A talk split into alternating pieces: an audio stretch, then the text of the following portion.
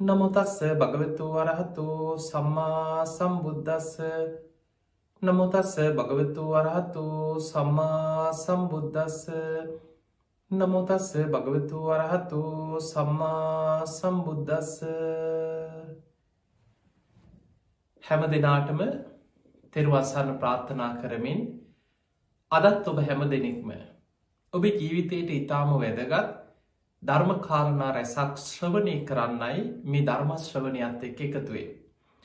ඉති මේ බණහන හැම දෙනාටමත් ලක්වාසී ලෝවාසී හැම දෙනාටමත්. මේ උතුම් ධර්මශ්‍රවනය නිවන්දොරටුවක් බවටම පත්වේවා කිය අපි මුලින්ම ආශිර්වාද ප්‍රාර්ථනා කරනවා. පිංහතුනී අද දවස මේ ධර්මාණු ශාසනාවෙන් අපි ඔබට විශේෂෙන් සිහිපත් කරන්නේ. අපේ බුදුරජාණන් වහන්සේගේ මහා පුරුෂ ලක්ෂණයන් අතර උන්වහන්සේගේ ශ්‍රී මුකේ තුළ ඒ වැඩ සිටිය ඒ උතුම් දළදා වහන්සේලා අතර සතර දළදා වහන්සේලාගේ අසිරිමත් සිදුවීම් කීපය. බුදුරජාණන් වහන්සේ නමක් ගැන හිත පහදවා ගන්නවා කියලා කියන්නේ අප්‍රමාණ පිනක් රැස්වෙනවා. උන්වහන්සේගේ මහා පුරුෂ ලක්ෂණ ගැන බුදුරජාණන් වහන්සේගේ සුරූපය ගැන බුදුරජාණන් වහන්සේ නමකගේ එක බුදුගුණයක් ගැන හරි. ඒවගේ උන්වහන්සගේ ජීවිතයේ සුවිශේෂී කාරණාවන් ගැන මම සරණ ගිය බුදුරජාණන් වහන්සේ මේ මේ ලක්ෂණයන්ගේ යුක්තයි. මම සරණගේ බුදුරජාණන් වහන්සේ මේ මේ ගුණයන්ගෙන් යුක්තයි. බුදුරජාණන් වහන්සේ ගැන අල්ප මාත්‍ර වූ සද්ධාවක් ඇතිවුණොත්. බුදුරජාණන් වහන්සේ බුදුමුවින්ම දේශනා කරා මයි සද්ධහ මත්තං පේම මත්තක් කෙනෙකුට සද්ධහ මාත්‍රයක් ප්‍රේම මාත්‍රයක් බුදුරජාණන් වහන්සේ ගැන උපදිනවනං මරණ මංචකයේ බුදුගුණ සිහිවුණොත් සබ්බේතයේ සග්ග පරායනු ඒ සියලු දෙනා සුගති පරායන වෙනවා කරපු අකුසල්ලි අටපත් වෙලා අර බුදුගුණ මනසිකාරය බුදුගුණ සිහිකිරීමේ පින කුසලය බලවත් වෙලා සුගතිගාමි වෙනවා. එනිසා පිංහතුනි බුදුගුණ සිහි කරනවා කියලා කියන්නේ අප්‍රමාණ පිනම්. බුදුගුණ අචින්තියයි අචින්තියේසු පසන්නානම් විපාකෝ හෝති අචින්තියෝ. ඒ අචින්තය බුදුගුණ ගැන හිත පැහැදුනොත් හිතේ පැහැදීමක් ප්‍රසාදයක් ඇති වුණොත්. ඒ තුළින් ලැබෙන විපාකයක් අචින්තියයි. අන්නේ නිසා ඒ බුදුගුණවල බුදුරජාණන් වහන්සේගේ ජීවිතයේ සුවිශේෂී මහාපුරුෂ ලක්ෂණයන් අතර උන්වහන්සගේ දළදා වහන්සේලා ගැන අපි නොදන්න සමාරලාවට අහල ඇති නමුත් මේ කාරණ අතර නොදන්න දෙවලුත්තෝ බෑති. පිංහතුනී අපි දන්නවා සාමාන්‍ය මනුස්සේකුගේ ඔබ හිතන්න ඔබ ගැන සාමාන්‍ය මනුස්සය ඔබ එක ජීවත්වෙනයි අපේ කටේ දත්තියනවා හැබැයි අපිට මේ දත්වල කොච්චරනම් අපට ප්‍රශ්න තියෙනවාද? සමහරුන්ගේ දත් පිළිවලකට නෑ. ඒ දත් එක පිට එක පිට සමහරලාවට එහාට මෙහාට දත් පෙරලිලා දත් ඇද වෙලා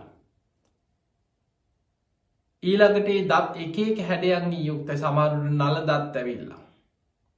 සමාන මට්ටමින් කාගෙවත් සාමාන්‍ය මනුස්්‍යයන් තුළ මේ දත්වල ඔක්කොගේම එක පෙළකට බොහොම ලස්සනට සමාන මට්ටමින් පිහිටන්නේ නෑ. බුදුරජාණන් වහන්සේ නමකගේ මහාපුරුෂ ලක්ෂණ අතර මේ දළදා වහන්සේලාට අදාළ මහාපුරුෂ ලක්ෂණ කීප නමක් තියෙනවා කීපයක් තියෙනවා. සමදන්ත බුදුරජාණන් වහන්සේගේ දත් ඔක්කෝම එක සමාන සුරූපයෙන් යුක්තයි. අවිවර දන්ත ඒ දත් අතර විවර සිදුරු පිහිටල නෑ. ඒ දත් දැන් අපි දන්නවා සමහරයි හිනා වෙනකොට ඔන්න ඒ දත්වල දත් අගින් සිදුරු තියනවා දත් එහාට මෙහාට පැනල දත්වල සිදුරු තියනවා. සමහරුවයි දත් හදාගන්න කොච්චර මහන්සී නොද පිළිවලකට හදාගන්න ඒත් තමාරුයි. බුදුරජාණන් වහන්සේගේ මේ දත් සියල්ලම දන්තධාතුන් වහන්සේලා එක පෙළකට බොහෝම පිළිවලට පෙළකට පිහිට ලතියෙන. අවිවර දත්ත විවර සිදුරු නෑවෑ කුහර විවර සිදුරු එහෙම නෑ. ඊළඟට සම චත්හාරීසක දන්ත ධාතු. බුදුරජාණන් වහන්සේගේ උඩු ඇන්දෙ විසි නමයි යටි ඇන්ද විසි නමයි දන්ත ධාතුන් වහන්සේලා හතලිස් නමක් ශ්‍රීමොකේ තුළ පිහිටලා තියෙන. දැන් ඔබ හිතන්න සාමාන්‍ය මනුස්සේගේ සාමානයෙන් අපි දන්න අපේ කටේ දත්තිස් දෙකක් වගේ. සාමාන්‍ය මනුස්සේකුගේ දත්තිස් දෙකයි. කලාතුරකින් නලදත් දෙකක් ආවත් දත් හතලිහක් වෙන්න ෑන කාටවත්. හැබැයි බුදුරජාණන් වහන්සේ නමකගේ මෙෝ මහාපුරුෂ ලක්සන. උඩු ඇන්ද විසි නමයි යටි ඇන්ද විසි නමයි. සම චත්තාරීසක සමාන ප්‍රමාණින් යුක්ත දන්තධාතුන් වහන්සේලා හතලිස් නමක් ශ්‍රීමොකේ තුළ වැඩ සිටින චත්තාරීසක හතලිස් නම. ඒ දන්තධාතුන් වහන්සේලා අතරින් ඒ හතලිස් නමම සමදන්ත සමාන ප්‍රමාණයන්ගේ යුක්තයි. එක සමාන පිළිවල්ලකට පිහිටලතිය. අවිවර දන්ත විවර සිදුරු නැතුව සමාන පෙළකට පිහිටලතිය. ඒ දත්වල විශේසිත දන්ත ධාතුන් වහන්සේලා හතර නමක් ශ්‍රීමොකේ අර හතලිස් නමක් වූ දන්තධාතුන් වහන්සේලා අතරින් පිහිටලතිය. අපි සාමාන්‍ය කෙනෙකුගේ ඔබ දන්නවා අපි දත් ගැන ඉගෙනගෙන ඇති ටෘන්තක රද්ධනක පුරශ්චාරක චාරුවක කියල මේ දත් අපි සාමාන්‍ය මේ විද්‍යාත්මකව දත් ගැන වර්ගී කරණය කරලා ඒ ඒ දත්වල හැඩේ පිහිටලා තියෙන ආකාරය අනුව අපි විස්තර කරන. සාමාන්‍යත් කියන දඩයන් දත් කියලම උල් දත් කියනවා. රදනක දත් කියල කියන්න උඩු ඇන්දේ දෙනමකු යටි ඇන්ද දෙකක් ඔය විදිහට සාමාන්‍ය කෙනෙක්ට පිහිටනවා. මේ දත් අතර. බුදුරජාණන් වහන්සේගේ මෙන්න මේ රදනක කියන දළදා වහන්සේලා හැබැයි මේ ඔක්කොම සමානව තියෙන බුදු කෙනෙක්. ඒ රදනක දළදා වහන්සේලාට තමයි ගැන සතර දළදා වහන්සේලා. උඩු ඇන්දෙ දෙනමයි යටියන්දෙ දෙනමයි හැටියට හතර නමක් පිහිටලා තියෙනවා. අනෙක් දළදා වහන්සේලාට වඩා මෙන්න මේ සතර දළදා වහන්සේලා විශේසිතයි. ඒ තමයි බුදු කෙනෙක් සිනහ පහල කරාදි දත් අගින් සුදු බුදුරැසක් පැනනගෙන. බුදුරජාණන් වහන්සේ දහම් දෙසනකොට ශ්‍රී මුකේ විවර වෙනකොට දත් සතර දළදාගින් සුදු පාට බුද්ධරශ්මියක් පැනනගෙන. මේ සුදු පාට බුදුරැස බුදුරජාණන් වහන්සේගේ සිරස වටා තුන් වලල්ලක් ප්‍රදක්ෂිනා වෙලා අහසට පැනනගෙන. මේක බුදු කෙනෙකුට සාධහරණ ආශ්චරය කාරණය. ධර්මී සඳහන් වෙන බොහෝ තැන්ගොල. ආනන්ද හාමුදුරු බුදුරජාණන් වහන්සේ සමඟ වඩිනකොට ආනන්ද හාන්දුරු බුදු හාන්දුරගේ පසු පසින් වැඩම කරන. ඔය අතර සිදුවීම් ගොඩාක් තියන අප එක සිදුවීමක් සිහිපත් කරොත්. දවසක් බුදුරජාණන් වහන්සේ රජගහනුවර නගරේ වඩිනකොට වයසට ගිය දෙන්නේ තැටි දෙකක් කරගෙන සිහි කල්පනාවත් නෑ නගර හිඟමනය යනු.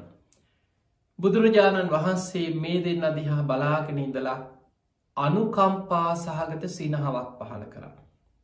සාමාන්‍යෙන් අපි දන්නවා මිනිස්සු හිනාවෙනකොට එක එක හිනාවල් තියනම කෙලෙස් සහිත මනුස්්‍යයන්ට අපහසට හිනාවෙන උපහසට හිනාවෙනවා කොක් හඬලා හිනාවෙනවා එක එක හිනාවල් අපි කියනවා සම්පූර්ණ මුළු කටේම දත්තිගේ ලියට දාගෙන කට ඇර සමාරු කට වහගෙන හිනාවෙනවා එක්කො දත් පේනවා බුදු කෙනෙක් සිනහ පහල කරනකොට ඒ සිනහාවට ධර්මය යැන හසිතු පාදය කියල.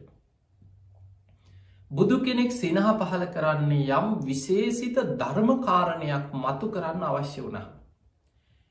එතකොට බුදු කෙනෙක් සිනහ පහල කරනකොට යම් විශේෂ ධර්මකාරණයක් ඒ තුළින් ලෝකෙට මතු කරලා පෙන්න්නනවා.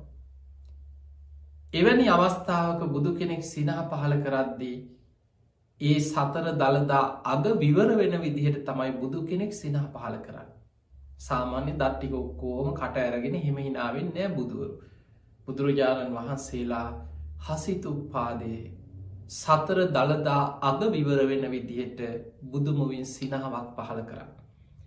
ඒ සතර දළදාගින් විහිදිච්ච සුදු පාට බුද්ධ රශ්මිය සිරස වටා තුන් වලල්ල බුදුරජාණන් වහන්සේගේ සිරස වටේ ප්‍රදක්ෂිනා වෙලා අහසට පැනනැක.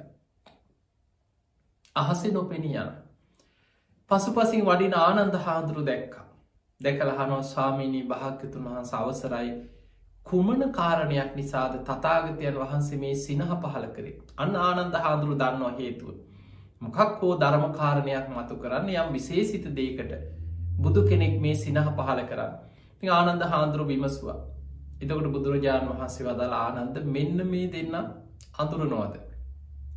ඔබට මේ දෙන්නව මතක් කෙනවද බලන්න කිව්. ආනන්ද හාදුරු කල්පනා කරනකොට මතක් වුණා ස්වාමිනි භාක්‍යතුන් වහන්ස අපි බොහෝ කාලිකට පෙර බුදුරජාණන් වහන්සේ බුදු වෙලා මුල්ම කාලවල මේ නගරට වඩින්දි මේ නගර හිටිය ධනවත්ම සිටුවරයයි සිටුදියන අයි නේද. ආනන්දය මේ දෙන්න ඒ කාලි බොහොම දනවත්. මේ අය තරුණ කාලි ධර්මය අවබෝධ කරන්න උත්සාහ ගත්තනං අනාගාමි වෙන්න තරන් ඒ කාලි පින තිබුණා උත්සාහ කරේ ආනන්ද මේ අය මැදි වයසේ ධර්මාවබෝධයට උත්සාහගත්තනම් සකදාගාමි වෙන්න තරම් පින තිබුණ. ඒ උත්සාහගත්තෙත් නෑ. වයසට ගිහිල්ල සිහිනුවන තියෙන කාලි ධර්මය අවබෝධ කරන්න උත්සාහගත්තනම් අඩුම ගානි සෝවාන්වෙන් හරි පින තිබ. ඒ උත්සාහගත්තෙත් නෑ. දැන් පින කියන්නේ හැමදාම තියෙන එකක් නෙමේ. ඒ පෙර පින ගෙවිලා ගෙවිලා ගෙවිලා පිනේ විපාක අවසන් වෙනවා. අර පිනේ විපාක ගෙවිල් අවසන් වෙනකොට ඊළඟට මතුවෙන්නේ කරපු අකුසල්ටි. දැන් අර පෙරපින ගෙවිල් අවසාන. පින ගෙවිල් අවසන් වෙනකොට නගර තිබ සිටු තනතුරු ධනය වස්තුව කෝම නැති වෙලා. සමහර පුද්ගලයාගේ පින ගෙවෙනකොට රජ මැදුර හිටියත් එක රැයිම් මහපාරට වැටෙන්න්න පුළුවන්. කොසොල් රජ්ජුරු මැරුණේ කාත් කවුරුත් නැතුව අම්බලමක කියනවා. බුදුරජාණන් වහන්සේ මේ කාරණය ආනන්ද හාදුරන්ට සිහිපත් කරමින් අප්‍රමාදීව ධර්මාවබෝධය කරගැනීමේ වටිනාකම පිනගෙවිල් අවසන් වෙන්න කලින් වීරි වැඩීමේ වටිනාකම ගැන දහම් දෙසුව. එතකට බුදුරජාණන් වහන්සේ මේ වගේ යම් යම් විශේෂ ධර්ම කාරණා සිහි කරමින් මතු කරලා දේශනා කරන්න අවශ්‍ය වනහම බුදුරජාණන් වහන්සේ සිනා පහල කරපු සිදුවීම් තියෙන. තවත් ධර්මය සඳහන් වෙනවා. බුදුරජාණන් වහන්සේ ආනන්ද හාන්දුරු සමඟ එක්තරා කැලෑ ප්‍රදේශයකින් පුංචි අතුපාරක් වගේ පාරකින් වඩිනකොට මේ පාර යනවා සාමාන්‍ය අපි කැනුව කඩියෝ වගේ කළුපාට පුංචි සත්තු යන්න පාරි. ඔබ දැකල ඇති කූම්බි පෙලක් යනවා දිමියෝ යනවා පොඩි සත්තු ඉන්න පෙලට යන්න පෝලිමට. එහෙම පෙලක් අර පාර එහා පැත්තිනම් මෙහා පැත්තට සත්තු පෝලිමේ පුංචි සත්තු යනවා බුදුරජාණන් වහන්සේ ඔවුන් දිහා බලාගෙන හිටිය. අනුකම්පා සහගත සිනහවක් පහළ වුණ. ඒ වෙලාවෙත් අර සුදු පාට බුද්ධ රශ්මිය බුදුරජාණන් වහන්සේගේ සතර දළදාගෙන් විහිදි ලහසට පැරනැංග. ආනන්ද හාදුරහනෝ සාමීනී යම් විශේෂ කාරණයක් නිසාද. ආනන්ද මෙන්න මේ මේ කූමි රැල දිහා බලන්නක මේ සත්තු ටික දිහා. මේ අතර මේ දීර්ග සංසාර ගමනි සක්විති රජ නොවිච්ච කෙනෙක් හොයන්න නෑ කියල. ඔන්න හිතන්න සංසාර ගමනි භයානක්කම.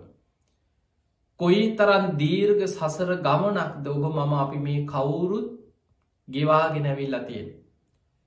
පිංහතුනි අපේ බුදුරජාණන් වහන්සේ බුද්ධත්වයට පත්වෙලා අවුරුදු හතලිස් පහක් පුරාවට අවබෝධ කරගත් ධර්මය දේශනා කර.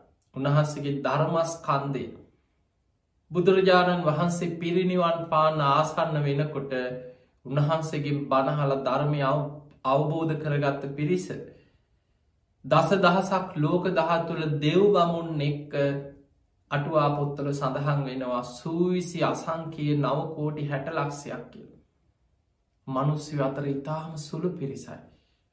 වැඩිපුරම ධර්මය අවබෝධ කරේ දෙව් බබුල් දැන් හිතන්න මේ සියල්ලු දෙවියම් බ්‍රහ්මයන් අසංකීය ගණන් සත්වයන් ධර්මාවබෝධය ලැබුවේ අර බුදුරජාණන් වහන්සේගේ ශ්‍රී මුකේ ඒ උතුම් සතර දළදා වහන්සේලා ඇතුළු දළදා වහන්සේලා ස්පර්ස කරගෙනයි ඒ උතුම් ධර්මස් කන්ද දේශනා කරේ.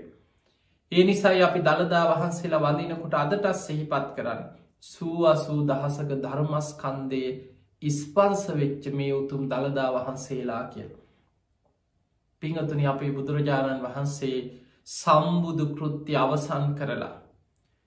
එදා මල රජදරුවන්ගේ උපවර්තන සාල වනෝද්‍යානී පිරිනිවන් මංචිකි වැඩ ඉඳලා පිරිනිවන් පාන පෙර උන්වහන්සේ අනාගතයේ දිහා ලෝකෙ බැලුව අතීත බුදුරජාණන් වහන්සේලා දහතුන් වහන්සේලා සම්බන්ධයෙන් කටයුතු කරපු ආකාරය බැලුව.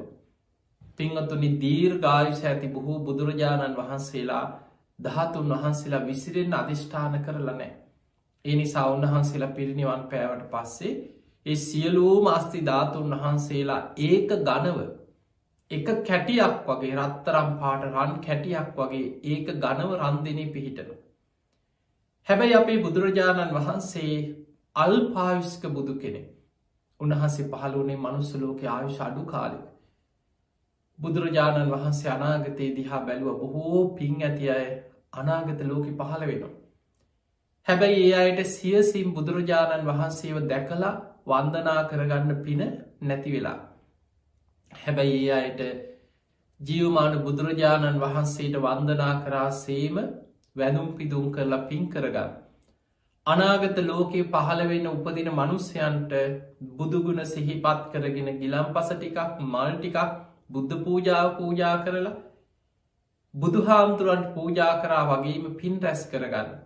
මාගේ සාරීරික ධාතුන් වහන්සේලා මේ අස්ති ධාතුන් වහන්සේලා. මේ මේ ප්‍රමාණයන්ගෙන් බිදිලා විසිරිලා අවුරුදු පන්දහසක් යනතේ.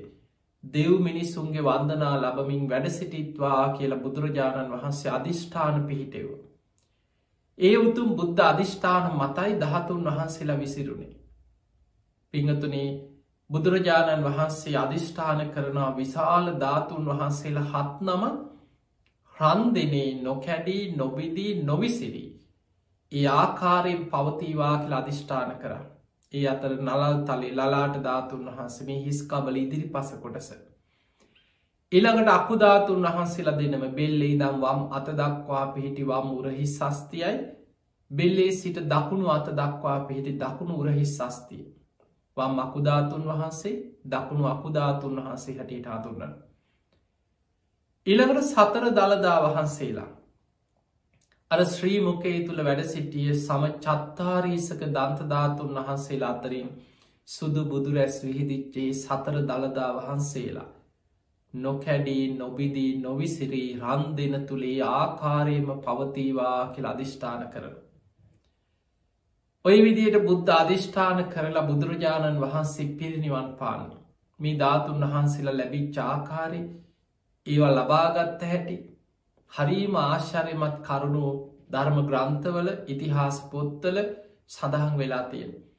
අපි බුදුරජාණන් වහන්සේ පිරිනිවන් පෑවට පස්සේ ශ්‍රී දේහි දින හතක් මහජන ප්‍රදර්ශනයට තැබුව කියන මිනිස්සුන්ට වන්දනා කරගන්න දවස් හතක් තිබ. ඒ දින හතේම දැ සාමාන්‍ය මනුස්සෙක් නඟ ඔබ හිතක් මේ මරණයට පත්වෙලා අර බෙහෙත් ගාලා එම්බාම් කරලා කර කරලනි දවස් හතර පහක් හරිතියාගන්න නැත්නම් කොච්චර දුර්ගන්ධයක් ඇඟ ඉදිමිලා කොච්චර දුගදක් හමනවද මලකුණකින්. හැබැයි අපේ බුදුරජාණන් වහන්සේ පිරිනිවන් පාල දවස් හතක් යනතේ මේ දැන් පිරිනිවන් පෑව වගේ කිසිම වෙනසක් නොවී ශ්‍රී දේහේ ඒ ආකාරයෙන්ම පැවතුනා.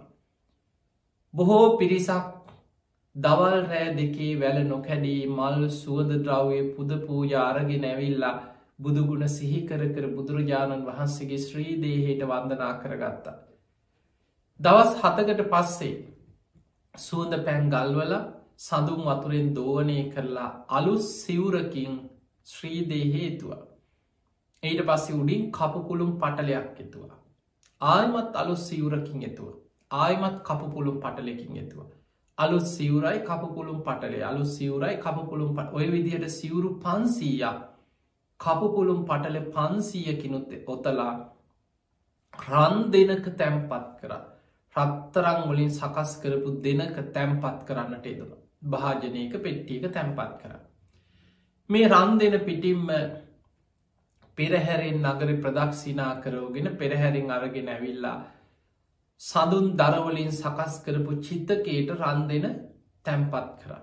මෙහෙම තැම්පත් කරල තමයි දැ ශ්‍රී දේහය ආදාහනය කරන කටයුතු ඔන්න සූදානන් කරලා ඒ වෙනුවෙන් මල්ල රජදරුවන් හතර දෙනෙක් පිළිවෙත් පුරපු හතර දෙනෙ දෝවනේ වෙලා සුවඳ පැන් ගල්වල ජටාවල් ඇඳල දැන් සුදු අතින් සැරසිලා ගිනි මැල හතරක් අරගෙන චිත්තකයේ වටා ප්‍රදක්ෂිනා කරලා බොහොම ගෞරවෙන් චිතකයට ගිනි දල්වන්න සූදානම් වුණ. මේ චිතකයට ගින්න තියෙනකොටම සැනින් ගින්න නිවෙනවා. හිතාගන්න බෑ. ඊළඟට මල්ල රජ දරුව අට දෙනෙක් අර විදිහට මායමත් දෙවනි වතාව උත්සාහ කරා ඒත් ගිනි තියෙනකොටම ගින්න නිවෙනවා චිතකි. මල්ල රජදරුව දාසේ දෙනෙක් තුංගනි වතාවටත් උත්සාහ කරා. ඒ වෙලා චිතකයට ගිනි දල්වනකොටම සැනින් ගින්න නිවෙනවා. අවසානය ඔවුන් බැලව මොකද මේ අපෙන් අඩුවක් වෙලාද මොකක් හරි දෙයක් තියෙන්නවා. කාගෙන්ද අපි මේක දැනගන්න ඒ අතර වැඩ හිටිය මහරහතන් වහන්සේලා අතර දිවස්ලාබීන්ගෙන් අග තැම්පත් අනුරුද්ධ මහරහත්තන් වහන්සේදා එතන වැඩ හිටිය. අනුරුද්ධ මහරහතන් වහන්සේගේ විමස්වා ස්වාමීනී බුදුරජාණන් වහන්සේගේ ශ්‍රී දේහේ තැම්පත් මේ චිතකෙට ගිනිදල්වන්න බැරි ඇයි මොකක් හරි අපේ අඩුවක්ද උන්වහන්සේ දිවසිම් බැලුවා දෙවියන්ගේ අදහස දැනගත්තා. රජදරුවනි දෙවියන්ගේ අදහස වෙන එකක් කියව. චිතකෙට දැම්ම ගිනි දල්වනවට දෙවිවරු කැමතිනෑ. දෙවියන්ගේ අදහස වෙන එකක් ස්වාමීනි මොකක්ද දෙවියන්ගේ අදහස. දෙවියන්ගේ අදහස මහා කාශ්‍යප මහරහත්තන් වහන්සේ ශිෂ්‍ය භික්‍ෂූන් වහන්සේලා පිරිවරාගෙන පාවා නුවර ඉඳං වඩිනො. උන්වහන්සේගේ හිතේ පැතුමක් තියෙනවා. අනේ මට බොහෝ කාලිකින් බුදුරජාණන් වහන්සේව දැකළ වන්දනා කරගන්න බැරි වුණ උන්වහන්සේ පිරිනිවන් පාලා. උන්වහන්සේගේ ශ්‍රී දේහය ආදාහනය කරන්න පෙර මට අවසාන වතාවට හරි සිරිපතුල් නලලිතියාගෙන බුදුගුණ සිහිකරමින් වන්දනා කරන්න මට ලැබේවා ලැබේවා ලැබේවා කියල හිත හිතා වඩිනවා. ඒ සිතුවිල්ල දකිනවා දෙවිවරු. ඒ නිසා දෙවියන් චිතකෙට ගෙනි දල්වන්න ඉඩ දෙන්න ගින්න තියෙනකොටම ගින්න දෙවියන් නිවන. ඒ වෙලාවේ රජදරුවට දැනුන් දුන්න මෙන්න මේකයි කාරණය. මහාකාශප මහරහත්තන් වහන්සේ තමයි දැන් ශාසනය ඉන්න ශාසනික නායකත්තේ බුදු හාන්දුරන්ගෙන් පස්සේ භාරගන්න ඉන්න ප්‍රධානම කෙනා. ශේෂ්ඨතම කෙනා මොකද මහාකාශි පහාන්දුරුව අසූ මහ ශ්‍රාවකයන් වහන්සේලාගෙන් ප්‍රධානම කෙනා. බුදුහාමුදුරුව පිරිනිවන් පාන අවුරුද්ධකට කලින් තමයි සාරිපුත්ත මහරහත්තන් වහන්සේ මුගලම් මහරහත්තන් වහන්සේ පිරිනිවන් පෑඩ. එහෙමනං ඊළඟට ඉන්නේ අග සෞ දෙනම පිරිනිවන් පාලන් නිසා බුදු හාමුදුරු පිරිනිවන් පාද්දී ඒ වෙනකොට වැඩ හිටිය අසූ මහ ශ්‍රාවකයන් වහන්සේලා අතර ශේෂ්ඨතම කෙනා මහාකාශප මහරහතන් වහන්සේ විතරක්නේ පෙනුමෙනුත් බුදුරජාණන් වහන්සේ වගේම කෙනෙ. මහාපුරුෂ ලක්ෂණ හතක් තිබ්බකින උන්වහන්සේ ළඟන්න. බැලූ බැල්මට සාමාන්‍ය මනුස්සය එක පාරටම මේ බුදු හාමුදුරු වඩිනෝ කියලා මහාකාශි පහාන්දුරන්ට රැවටිච්ච අවස්ථාත් ධර්මී සඳහන්වේ. තින් එදා මහාකාශප මහරහතන් වහන්සේ බොහෝ වෙලාවකට පස්සේ පන්සීයක් භික්‍ෂූන් පිරිවරාගෙන වැඩම කරලා හර චිතකයේ වටේම තුන් වලල්ලක් බුදුගුණ සිහිකර කර වන්දනා කරලා චිතකයට දනගහලා නලල තියලා සත්‍යක්‍රියාව අධිෂ්ඨානයක් කරා. බුදුරජාණන් වහන්සේගේ ශ්‍රී දේහේ සිවුරු පන්සියකින් ඔතලා කපුපුළුම් පටල පන්සීයකින් ඔතලා මේ රන්දිනේ තැම්පත් කළ චිතකිට නංවල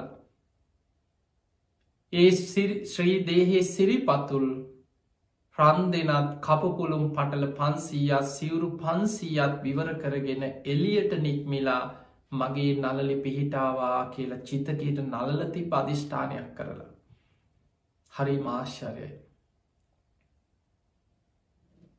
බුදුරජාණන් වහන්සේගේ සිරි පතුල්ලියුගල චිතකෙන් එලියට නික්මිලා මහාකාශිප මහරහතන් වහන්සගේ නලලි පිහිටිය. සියලු දෙනා පුදුමෙන් පුදුමට පත් වනා මහාකාශිප මහරහතන් වහන්සේ බුදුගුණ සිහිකර කර සිරිපතුල් දෑතින් පිරිමදිමින් බොහෝම සද්ධහා ගෞරුවෙන් වන්දනා කරලා නැකිතිනවා සමගම චිතකය නොසෙල්වේ පෙර තිබූ පරිදිව පිහිටිය දේවානු භාවෙන් ගිවින් ගිනි ඇවිලුනා කියල සඳහන්වේ. ඔන්න ඔහොම තමයි ශ්‍රී දේහයට ගිනි දැල්වෙන් කාටවත් මල්ල රජ දරුවන්ටවත් කාටවත් ගිනි දල්වන්න පෙර මහාකාශප මහරහතන් වහන්සේ වැදල නැකිටිනවා සමගම සිරිපතුල් වන්දනා කරලා ඉබේම චිතකය දේවානු භාවෙන් ගිනි දැල්වෙන. ඔන්න ඔය වෙලාවේ ශ්‍රී දේහය ආදාහනය වෙන වෙලාවේ ඔතන වැඩහිටියා කේම කියන මහරහතන් වහන්සේ සාරිපුත්ත හාන්දුරන්ගේ ශිෂ්‍ය භික්‍ෂූන් වහසෙනවා බොහොම ඉරදි බල සම්පන්න. උන්වහන්සේ ඉරදියෙන් තේජෝ කසිනයට සමවැදිලා ගිනිදැල් අතරින් චිතක ඇතුළට ගිහිල්ලා වාම යටි දළදා වහන්සේ අතට ගත්තා. අර සතර දළදා වහන්සේලාගෙන් වාම යටි දළදා වහන්සේ. කේම මහරහතන් වහන්සේ දෑතිම්ම ගෞරුවෙන් පිළිගත්තා. පිළි අරගෙන ඒ දළදා වහන්සේ ඊට පස්සේ අරගෙන ගියා කලිගු රට ඉදා බ්‍රහ්ම දක්ත නමේ රජකංකරපු රජ්ජුරුවන්. ඒ වෙනකොට රජ්ජුරුව තිසරණය පිහිටපු කෙනෙක් නෙමේ. හැබැයි මේ දළදා වහන්සේ මේ බුදුහාමුදුරුවන්ගේ පිරිනිවන් පාපු බුදුරජාණන් වහන්සේගේ ශ්‍රීමොකේ උතුම් දළදා වහන්සේ නමක් කියල රජ්ජුරුවට පැවරු. රජ්ජුරෝ ළඟ හිටපු බමුණු මිත්‍යා දෘෂ්ටිකාය නොයෙක් විදිහට මේ දළදා වහන්සේට ගරහා කරමින් රජ්ජුරුවන්ට වැරදි උපදෙස් පවා දුන්න. හැබැයි මේ දළදා වහන්සේ පෙළහර පෑව. රජ්ජුරුව පුදුමෙන් පුදුමට පත්වෙලා රජ්ජුරුවන්ගේ හිතේ සද්ධාව ඇති වෙලා අර මිත්‍යාවන් බැහැර කරලා රජ්ජුරුව බොහොම ගෞරුවේ මේ දළදා වහන්සේට ධාතු මන්දිරයක් හදාගෙන ගෞරුවෙන් වන්දනා කර. ඔහොම පරම්පරාවෙන් පරම්පරාවට බොහෝ කාලයක් එන අතර මේ දළදා වහන්සේට ගොඩාක් හිරිහැර සිද්ධ කරන්න මිත්‍යා දෘෂ්ටික ප්‍රාදේශය රජවරු බලවන් රජවරු උත්සාහ කර. ඊට පස්සෙ තමයි දළදා වහන්සේගේ ආරක්ෂාව වෙනුවෙන්. දන්ත කුමරු හේමමාලා අතේ ඒ දළදා වහන්සේ පිටත් කරලා ලංකාවට පිටත් කරලයිවල්. එදා කේම මහරහතන් වහන්සේ ගිනිදැල් අතරින් චිතක ඇතුළට ගිහිල්ල පිළිගත්තේ වාම යටි දළදා වහන්සේ අද මේ අපි බණහන මේ බණ කියන වෙලා වෙනකොටත් මහනුවර ශ්‍රී දළදා මාලිගාව තුළ බොහෝම ගෞරවාන්විතව දෙව් මිනිස්සුන්ගේ වන්දනා ලබමි. රන් කොපුවක බහලු ඒ උතුම් වාම යටි දළදා වහන්සේ කරඩු හතක් තුළ දළදා මාලිකාව බොහොම ගෞරුවෙන් වැඩ සිටිනම්. පිංහතුනී මේ දළදා වහන්සේ වසර කීපයකට වතාවක් සැදැහැවතුන්ට වන්දනා කරන්න සලස්සනවා. ඔබ දන්න ඇති දළදා ප්‍රදර්ශනය තියල දළදා වන්දනා කරන්න මිනිස්සුන්ට අවස්ථාව ලබලදීපු අවස්ථාවල ඔබේ අම්මල තාත්තල සමට ඔබේ ආච්චිල සීයල ඔබේ නෑදෑයු ඔබේ අසල් වැසියෝ දළදා වහන්සේ වඳින්න දින ගනම් පෝලිමේ ඉඳලා සියසිම්ම මේ දළදා වහන්සේ දැකළ වන්දනා කරගන්න අය අදත් ඇති.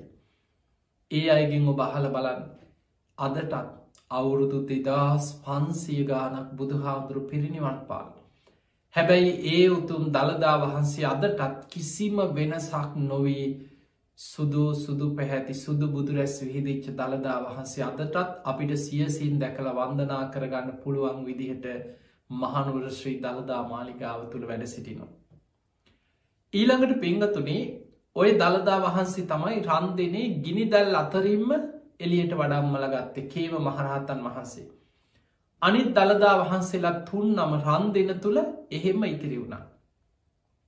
චිතක ගිනි නිවුණට පස ඔය අතුරු බහල ඇති සරබූ කියන මහරහතන් වහන්සේ මේ බෙල්ලේ පිහිටි අස්තිධාතුන් වහන්සේලා හත් නම් අපි කෙන ග්‍රීවාදහතුන් වහන්සේ.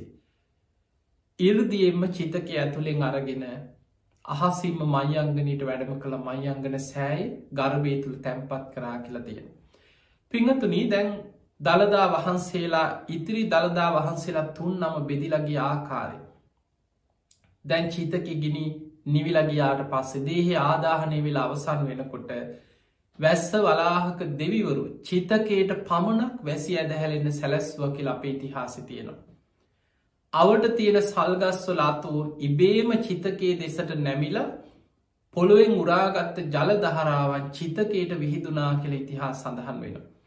මේ වගේ මහා ආශ්චරිමත් දේවල් බුදුරජාණන් වහන්සේගේ පිරිනිවන් පෑමත් එක්කේ දා සිදු වෙලා තිය.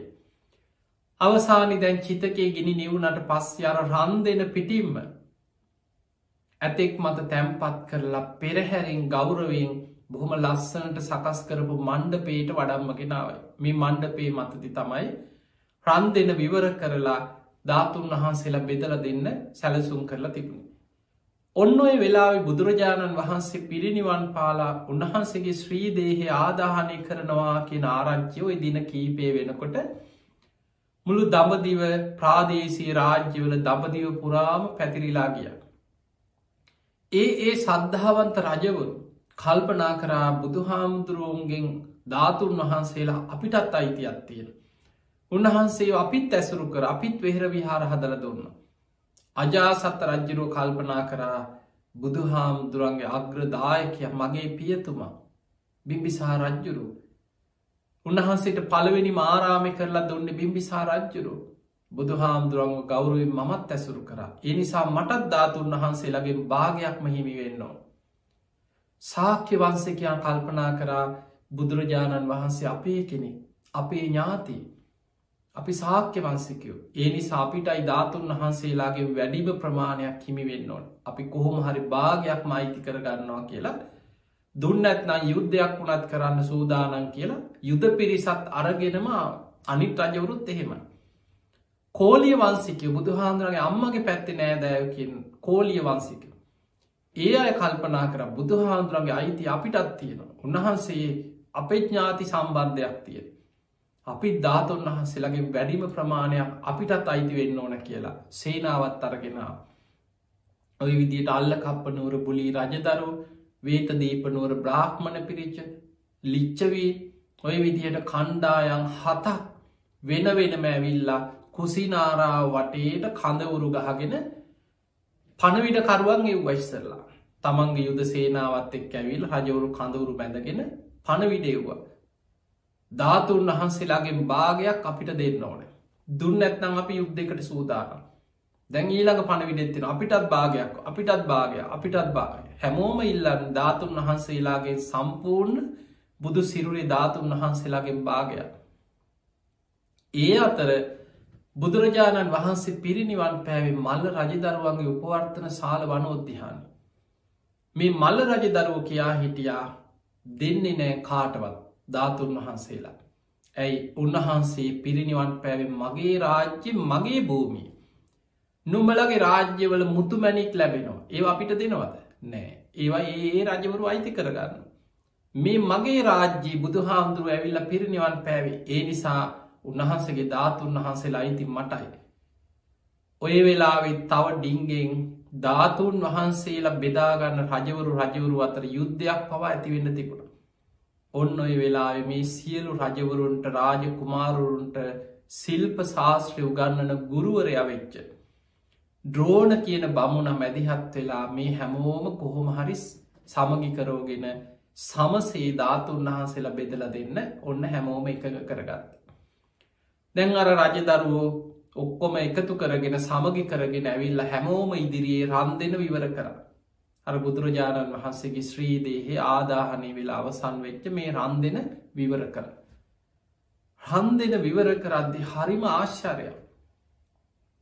බුදුරජාණන් වහන්සේගේ බුදු සිරුර පලවෙනියට මොතපු සිවුර ඒව බුද්ධ අධිෂ්ඨාන ඔබට මට අපි කාටවත් ඒවත් හිතාගන්න වටහාගන්න පුළුවන්කමක් නෑ බුදුගුණ අචින්තියයි. යචින්තිය දේවල් අපේ නුවනට වැටහෙන දේවල් නෙමේ. බුද්ධ අධිෂ්ඨානයෙන් පළවෙනියටම බුදු සිරුර ඔතපු සිවුර පිළිස්සෙන්නේ නෑ. පන්සිය වෙනි අටර ඔක්කොටොම උඩින් මෝතපු සිවුරත් පිළිස්සිලා නෑ. අනෙත් සිවුරු හාරසි අනුවටම දැවිලා. කපුපුළුම් පටල පන්සියම දැවිලා. හැබැයි අලුවත් දැලිවත් දූවිලිවත් ඉතිරි වෙලා නෑ. රන්දිනේ අලු නෑ. ඊළඟට බුදුරජාණන් වහන්සේගේ ශ්‍රී ශරීරයේ සම්මස් නහරමය ඔක්කෝම දැවිලා. ඒවෑවත් අලුත් නෑ දැලිත් නෑ ඔක්කොම ගිතෙල් ටිකක් අතුරු දහන් වෙලා ගියා වගේ රන් දෙන ඇතුළෙම දැවිලා අතුරු දහන් වෙලා. ඒ බුද්ධ අධිෂ්ඨාන. එහෙමනම් රන් දෙන විවර කරද්දි රන් දෙන ඇතුළෙ දකින්න තිබුණේ ලලාට ධාතුන් වහන්සේ. අකුධාතුන් වහන්සේලත් දෙනම සතර දළදා වහන්සේලාගෙන් දළදා වහන්සේලා තුන් නමයි මොකද කලින්ම ගිනි දැල් අතරින් කේම මහරහත්තන් වහන්සේ වාම යටි දළදා වහන්සේ කලින්ම එලියට වැඩැම්වා. ඊළඟට අනෙක් අස්තිධාතුන් වහන්සේලා වෙන වෙනම තිබුණා සිවුරු දෙක අතරේ මුම්පියලි ප්‍රමාණයට බිඳීගිය ධාතුන් වහන්සේලා. කඩ සහල් ප්‍රමාණයට බිඳේගිය ධාතුන් වහන්සේලා. අබෑට ප්‍රමාණිට බිඳේගිය ධාතුන් වහන්සේලා හැටියට මේ බුදු සිරුරේ සියලූ මස්ති ධාතුන් වහන්සේලා බිදීගේ ධාතුන් වහන්සේලා ප්‍රමාණ තුනකට බිඳිල බිඳිල තිබුණ විශාල ධාතුන් වහන්සේලා හත් නමක් ඉතිරි වෙලා තිබුණ බුද්ධ අධිෂ්ඨානය. ඔය වෙලාවෙ දැන් අර රන් දෙන විවර කරනකොට රජ දරුව හඩා වැලපෙන්න්න පටන් ගත්තා. හනේ අපිට බුදුරජාණන් වහන්සේ. උන්වහන්සේ කොච්චරනම් මහා කාරුණික කෙනෙක්ද උන්වහන්සේගේ බුදුරුව කොච්චර ලස්සනද. මහාපුරුෂ ලක්ෂණයන්ගෙන් යුක්තේ බුදුරජාණන් වහන්සේගේ ශ්‍රී දේහය අද ආදාහනය වෙලා අද මේ රන්දනේ අපිට දකින්න තියෙන්නේ මේ අස්තිධාතුන් වහන්සේලා ටිකක් විතරයි නේද කියලා අර රජවරු හඩා වැලපෙනවා. සද්ධාවටන මේ ධාතුන් වහන්සේ රැල්ල ගෙනාවේ ඒ අය හඬා වැලපෙන අතරේ රන් දෙන විවර කරපු වෙලාවේ ද්‍රෝණ බමුණ කල්පනා කරා දැම් මේ හැමෝම සමගි කරගත්ත මේ ඔක්කොම ධාතුන් වහන්සේලා සමසේ බෙදන්න. හැමෝටම සමසේ බෙදුවොත් මට වන්දනා කරන්න එක ධාතුන් වහන්සේ නමක්කට ඇතිවෙන. ඔය වෙලාවේ මේ හඬා වැලපෙන අතරෙ කොහොම හරි අතට අහුවෙන ධාතුන් වහන්සේ නමක් හඟගන්න ඕන කියලා හිතුවා. රන්දිනේ සුදු පාට බුදුරැස් විහිදෙන අර සතර දළදා වහන්සේලාගෙන් දළදා වහන්සේලා තුන්නම තියෙනවා. එහෙමම කාටවත් නොපෙනෙන්න එක් දළදා වහන්සේ නමක් හිමීන් ඔළුවේ අර බැඳගෙන හිටපු ජටාවේ ගහගත්තා. අනෙක් දළදා වහන්සේ හිමීට අරගෙන ඉනේ ගහගත්තා. කොහෙන් හරි ඉතුරුවෙන්. අනෙක් දළදා වහන්සේ ඉනේ හඟගන්න යනකොට වැටුන වෙන්න පුළුවන් පාදයෙන් සඟව ගත්තා කියලතිේ. බැරිවෙලාව රජදරුව දැක්කොත් දල් මේ ධාතුන් වහන්සේලා හඟගන්නවා ගුරුවරයා කියලනෑ රජවරු කිපුණොත් සමහට බමුණට මැරුම් කන්න වෙන්නත් පුළුව. ඒ නිසා බයටත් එක පාදයෙන් සඟව ගත්තා. දැම් මේ කාට හොරෙන් දළදා වහන්සේලා හංග ගත්තත් මනුස්්‍යයෝ දැක්කෙ නැතත් දෙවියන්ට හොරින් හඟ ගන්න පුළුවන්කමක් නෑ. එදා ධාතුන් වහන්සේලා බෙදන වෙලා රන් දෙන විවර කරද්දී දස දහසක් ලෝක දහා තුළ දෙවුරු අහසෙ පිරිලා ඉතිරිලා සාධකාරදිදී අහසෙයිදං දිවිය මේ පූජාවන් පවත්වන අහසෙයිදම් මදාරා මල්ලිසිනවා. ඔය වෙලාවෙ සක්‍ර දෙවියෝ දැක්කා ද්‍රෝණ බමුණා ජටාව හංගගෙන ඉන්නවා දකුණු දළදා වහන්සේනවා. ඒ දළදා වහන්සේ හංගගත්තට ඇත්තටම මේ දළදා වහන්සේ බුද්ධ අධිෂ්ඨාන දිහා බැලව බුදු හාමුදුරුවෝ බුදු ඇසින් දකිනෝ මේ දළදා වහන්සේ දෙව්ලොව සිළුමිනිසෑයි දෙව් බවුන් වන්දනා කරන. දෙවියන් වන අපට වැඳුම් පිදුම් කරන්න මේ දළදා වහන්සේ උරුමයි. මේ බමුණ හංගගත්තට බමුණට මේ දළදා වහන්සේට පුද සත්කාර කරන්න තරම් පුළුවන් හැකියාවක් තියෙන කෙනෙක් නෙමේ. එහෙම කල්පනා කරපු සක්‍ර දෙවී අහසේ දම්ම රන් කරඩුවක් මවලා අධිෂ්ඨාන කරලා අර බමුණගේ ජටාව හඟගෙන තිබ දළදා වහන්සේ කරඩුවේ තැන්පත් කරගත්තා. දෙවිවරු සාධු කාරදිදී දෙවුලවට ගිහිල්ලා ඒ උතුම් දළදා වහන්සේ දකුණු දළදා වහන්සේ සක් දෙවිඳු බෝසතාණන් වහන්සේගේ කේෂධාතුන් වහන්සේලා එදා අභිනිස්ක්‍රමණය කරපු දවසේ කෙස්වැටිය කපල අහසට විසි කරද්දි. මට ඒ කාන්තෙල් ලෝතුරා බුද්ධත්වය ලැබේවා කියල අධිෂ්ඨාන කළ හසට විසිකරපු වෙලා. යොදුනක් ඉහල අහසට පැනනැග මේ කේෂධාතුන් වහන්සේලා තැම්පත් කරලා දොළොස් යොදුනක් විශාල චෛත්‍යයක් තවතිසා දෙවුලුව සක්‍ර දෙවියන් එදා මැව්ව ඒ තමයි සිළුමිනිසෑ. මේ සිළුමිනිසෑය තුළම ඒ දළදා වහන්සේ තැම්පත් කරා.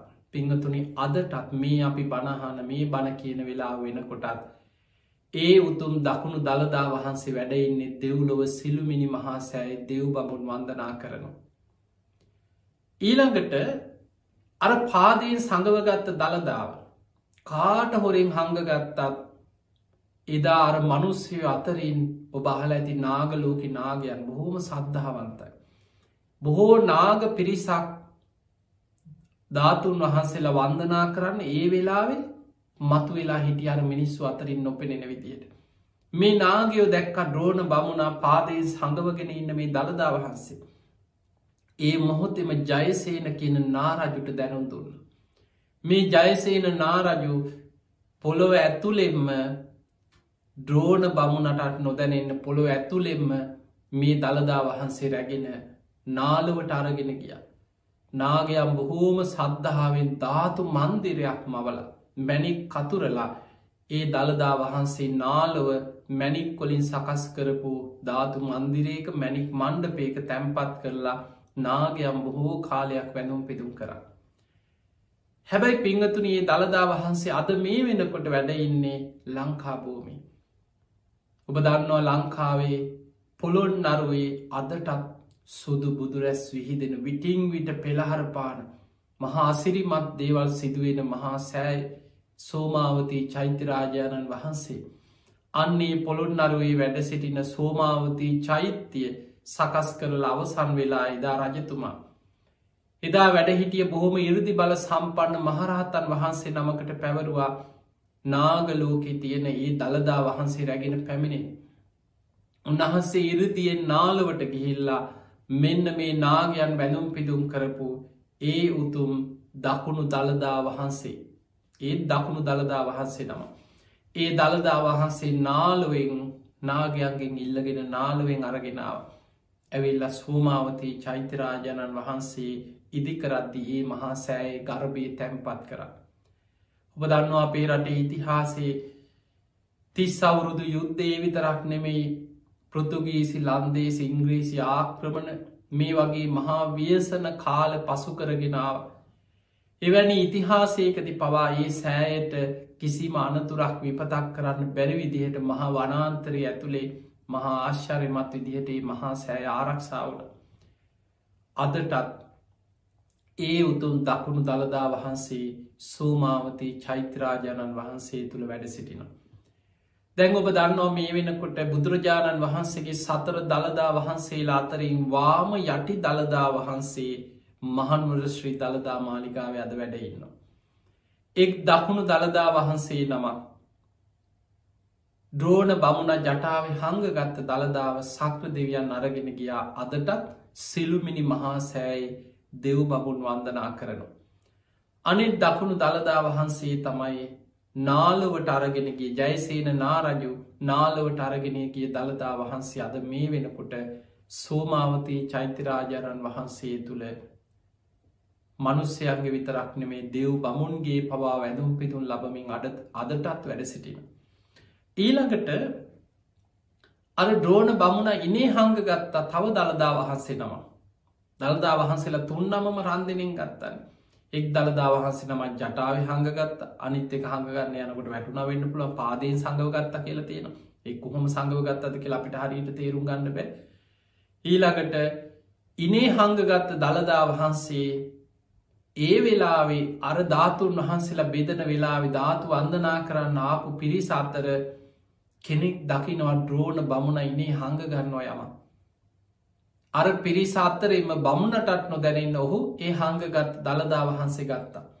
අරගෙන ඔහු ගාන්ධර්ව දවේසිං ආපු තරුණේ කැටිට විස්තර ගාන්ධර්වය කෙල් හැදින්නෙන්නේ අද පකිස්ථානය කෙල් හඳුන්වන රට. ඔහු එහෙට අරගෙන ගිය.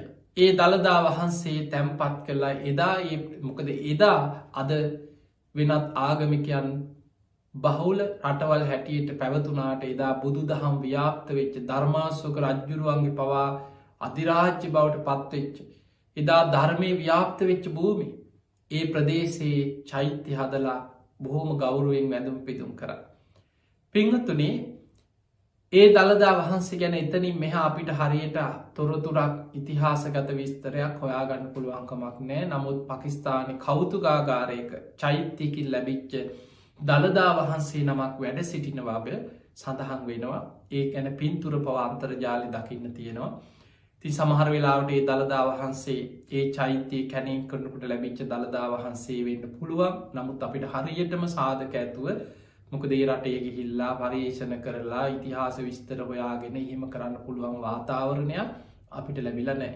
තිය නිසා ඔන්න ඔය විදිහට තමයි බුදුරජාණන් වහන්සේගේ සතර දළදා වහන්සේලා අද මේ වෙනකොට පවතින්. තිය නිසා අපිට එක පැත්තකින් බුදුරජාණන් වහන්සේගේ මේ සුදු බුදුරැස් විහිදිච්ච. සූවසූ දහසක ධර්මස්කන්දෙම ස්පර්ස වෙච්ච. ඒ බුදුරජාණන් වහන්සේගේ ශ්‍රී මුකේ තුළ වැඩ සිටිය ඒ උතුම් සතර දළදා වහන්සේලාගෙන් එක් දළදා වහන්සේ නමක් හරි සියසිං විටිං විට අපිට දැකළ වන්දනා කරගන්න ලැබෙනවා. මහනුවල් ශ්‍රී දළදා මාලිකාය වැඩ සිටින ඒ උතුම් දළදා වහන්සේ. ඔබ නිකං හිතන්න මේ විදිහට අපි බුදුරජාණන් වහන්සේගේ දළදා වහන්සේ ගැන නැතුව සාමාන්‍ය මනුස්සේ ගැන මෙහෙම හිතම අපි දන්නවා අපේ කටින් දත් තියෙනවා ඔබෙත් ඇති. සමහර වෙලාවට ඔබ හිතන්න ඔබේ දැන් දත් තිස් දෙකම කෙනෙක් මේ බොරු දත්දානවා කියන එක කලාතුරගින් ඉතින් එහෙම දත් ඔක්කොම ගලවලදාන්න එතකොට කෙනෙක් ජීවත් වෙලා ඉන්න ඇදම් මේ දත් වැටෙනවා. දත් ගලෝල වීසි කරන අපි හිතම කෙනෙක් මැරුණට පස්සේ.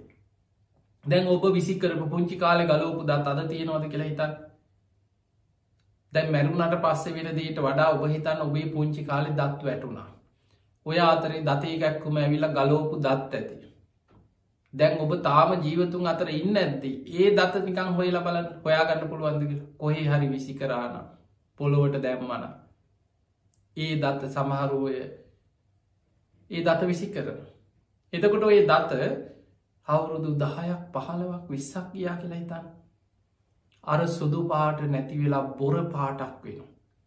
දතේ kuhර kuhර හැදෙනවා. දත දිරලා දිරලා කාලෙකට පස්සේ දත ඇගිලි දෙකෙන් තද කරලා ඇල්ලුවත් කුඩු වෙලා යනවා. පිටි වගේ හරියට හුණු කෑල්ලක් දිරපු දෙයක් කුඩු වෙලා යනවා වගේ. කුඩු වෙලා යන. ඒක තමයි සාමාන්‍ය මනුස්සේගේ මේ දත්වල ස්භාවේ. මේ ශරීරය හැම කොට සක්ම දිරනවා. ඇට සැකිල්ල වේවා හිස් කබල වේවා දත්වේවා මේ ශරීරය තියෙන සෑම කොට සක්ම දිරදිරා දිරදිරා දිරදිරා පස් වෙලා යන. මීට අවුරුදු පණහකට සීයකට කලින් අපි වගේම ජීවත් වෙලා මේ මහපොළොේ වලලපු අය පුච්චපු අයිනේ වලපු අය ගැන හිතන්. අද පොළොව හාරලා බැලවා සමහරලාට ඔබ දැකල ඇති ඔය මිනි වලවල් හාරණකොට සමහරලාවට කවුරු හරිකින මේ මේ සැකයි මේ මිනිිය ගොඩ දාන්න ඕන එක්කු මෙතන සමූහ මිනී වලක් තිබිල තියෙනවා. අවුරුදු සමාට පණහාකට සීයකට දෙසීයකට කලින් වෙන්න පුළුවන්. එතකොට ඔය වලවල් හාරනෝ බෝන තරම් දැකල ඇති රූපාහිනිවල මිනි ඇට කෑලි තැන් තැන්වල අහු වෙනවා. ඔය අතරේ එක්කෝ මේ හිස් කබලෙ කෑලි අහු වෙනවා. දතක් දෙකක් අහු වෙනවා. අර මේ හක්කි කොට සක් අහු වෙනවා. ඒ දත් පවා ඔබ හිතන්න කාලයක් යැනකොට සමහර දත් දිරල පස්්ටික විතරයි හොයාගන්න නෑ පස් විතරයි. ඒතන් අපිට පේනවා සාමාන්‍ය මනුස්සේගේ දත්වල ස්භාවය අවුරුදු කීපයක් යනකොට මිය ගිහිල්ලා අවුරුදු ගණනාවක් යනකොට මේවා දිරලා දිරලා දිරලදී ලොක්කුම් පස් වෙලා යන පස්්ටිකක් විතරයි. හැබැයි බුදුරජාණන් වහන්සේගේ බුද්ධ අධිෂ්ඨාන ශක්තිය ඔබ තේරුම් ගන්න. උන්වහන්සේ පිරිනිවන් පාලා අවුරුදු දෙදස් පන්සිය හැට ගානක් දැ. අවුරුදු පණහක් සීයක් දෙතුන් සීයක් නෙමේ අවුරුදු දෙදස් පන්සිය හැට ගාන පුංචි කාලයක් නෙමේ. හැබැයි අදටත් ඒ උතුම් සතර දළදා වහන්සේලා ආශ්චරිමොත්ත වැඩ සිටිනවා. ඒක අපිට දකින්න පුළුවන් සාධකයේ තමයි මහනුර ශ්‍රී දළදා මාලිකාවේ ඒ රන් කොපුුවක බහා වැඩ සිටින ඒ උතුම් දළදා වහන්සේ අදටත් සියසින් දැකළ වන්දනා කරගන්න වාසනාව තියෙනවා. කවුරුදු ගානකට වතාවක් හරි සැදැහැවතුන්ට ඒ උතුම් වාම යටි දළදා වහන්සේ දැකළ වන්දනා කරගන්න සලස්සනවා. ඒ නිසා පිංහතුනි මහා ආශ්චර්යමත්ත දෙව් බමුන්ගේ පුද පූදා ලබමින් අදටත් ඒ උතුම් ධාතුන් වහන්සේ දළදා වහන්සේ කිසිම වෙනසක් නොවී සුදු සුදු පාට සුදු බුදු රැස් විහිදිච්ච ඒ දළදා වහන්සේ මහනුර ශ්‍රී දළදා මාලිකාවේ අදටත් වැඩ සිටින බලන් කොච්ච රාශ්චරයක්ද කියලා තියනිසා පිංහතුනි මේ ධාතුන් වහන්සේලා ගැන හිත පහදව ගන්නවා කියන අප්‍රමාණ පිනක් රැස්වෙනවා. තවා අවුරුදු දෙදා සාරසී ගණනක් යනතේ දෙව්ලෝවේවා මනුලෝවේවා නාලෝවේවා කොහේ වේවා ඒ පවතින දහතුන් වහන්සේලා බුද්ධ අධිෂ්ඨානින් පවතිනවා. අවුරුදු පන්දහක් අවසන් වෙන තැන තමයි සියලු ධාතුන් වහන්සේලා එකට එකතු වෙලා බුදුරුව මවාගෙන යමාමහ පෙළහරපාන. ඒ බුදුරුව මවාගෙන යමාමහ පෙළහර පාද්දී ඒ බුදුරුවේ ශ්‍රී මුකේ පිහිටි තැන්වල ඒ දළදා වහන්සේලා හතර නමත් දෙව්ලව බඹලව කොහේ වැඩ සිටියත්. ඒ බුදුරුවේ පිහිටලා අහසේම ඒ ධාතු පරිනිර්වාණයත් සමගම ධාතුන් වහන්සේලා අහසේ දැවිල පිරිනිවන් පානවා බුද්ධකයා වජිරාසනයට ඉහළ අහසෙදි. මේ ආශ්චරයමත් බුදුහාමුදුරන්ගේ ජීවිතයේ ධාතු පරිනිර්වාණය වනතෙක් අදටත් දෙව් මිනිස්සු වන්දනා කරගෙන පවතින ඒ උතුම් සතර දළදා වහන්සේලා පිළිබඳවයි අද ඔබට මේ ධර්මානු ශාසනාවෙන් කියලදුන්. තිය නිසා මේ ගැන හිතලා හිත පහදවන්න ඔබ ලෝකෙ කොහෙ හිටියත්. ඒ සතර දළදා වහන්සේලා සිහි කරලා දෑත් නල්ලි තියාගෙන ඒ උතුම් දළදා වහන්සේලට අපගේ නමස්කාරයම වේවා කියල හදවතිම වන්දනා කරන්න. තීමනං ඔබ හැම දෙනාටමත් මේ ලැබිච්ච මනුස්ස ජීවිතය තුළ සද්ධහාදීකුණ ධර්ම දියුණු කරගෙන උතුම් ධර්මයම අවබෝධ කරගන්න වාසනාව ලැබේවා ලැබේවා ලැබේවා කියලපි ආශිර්වාද ප්‍රාර්ථනා කරනවා.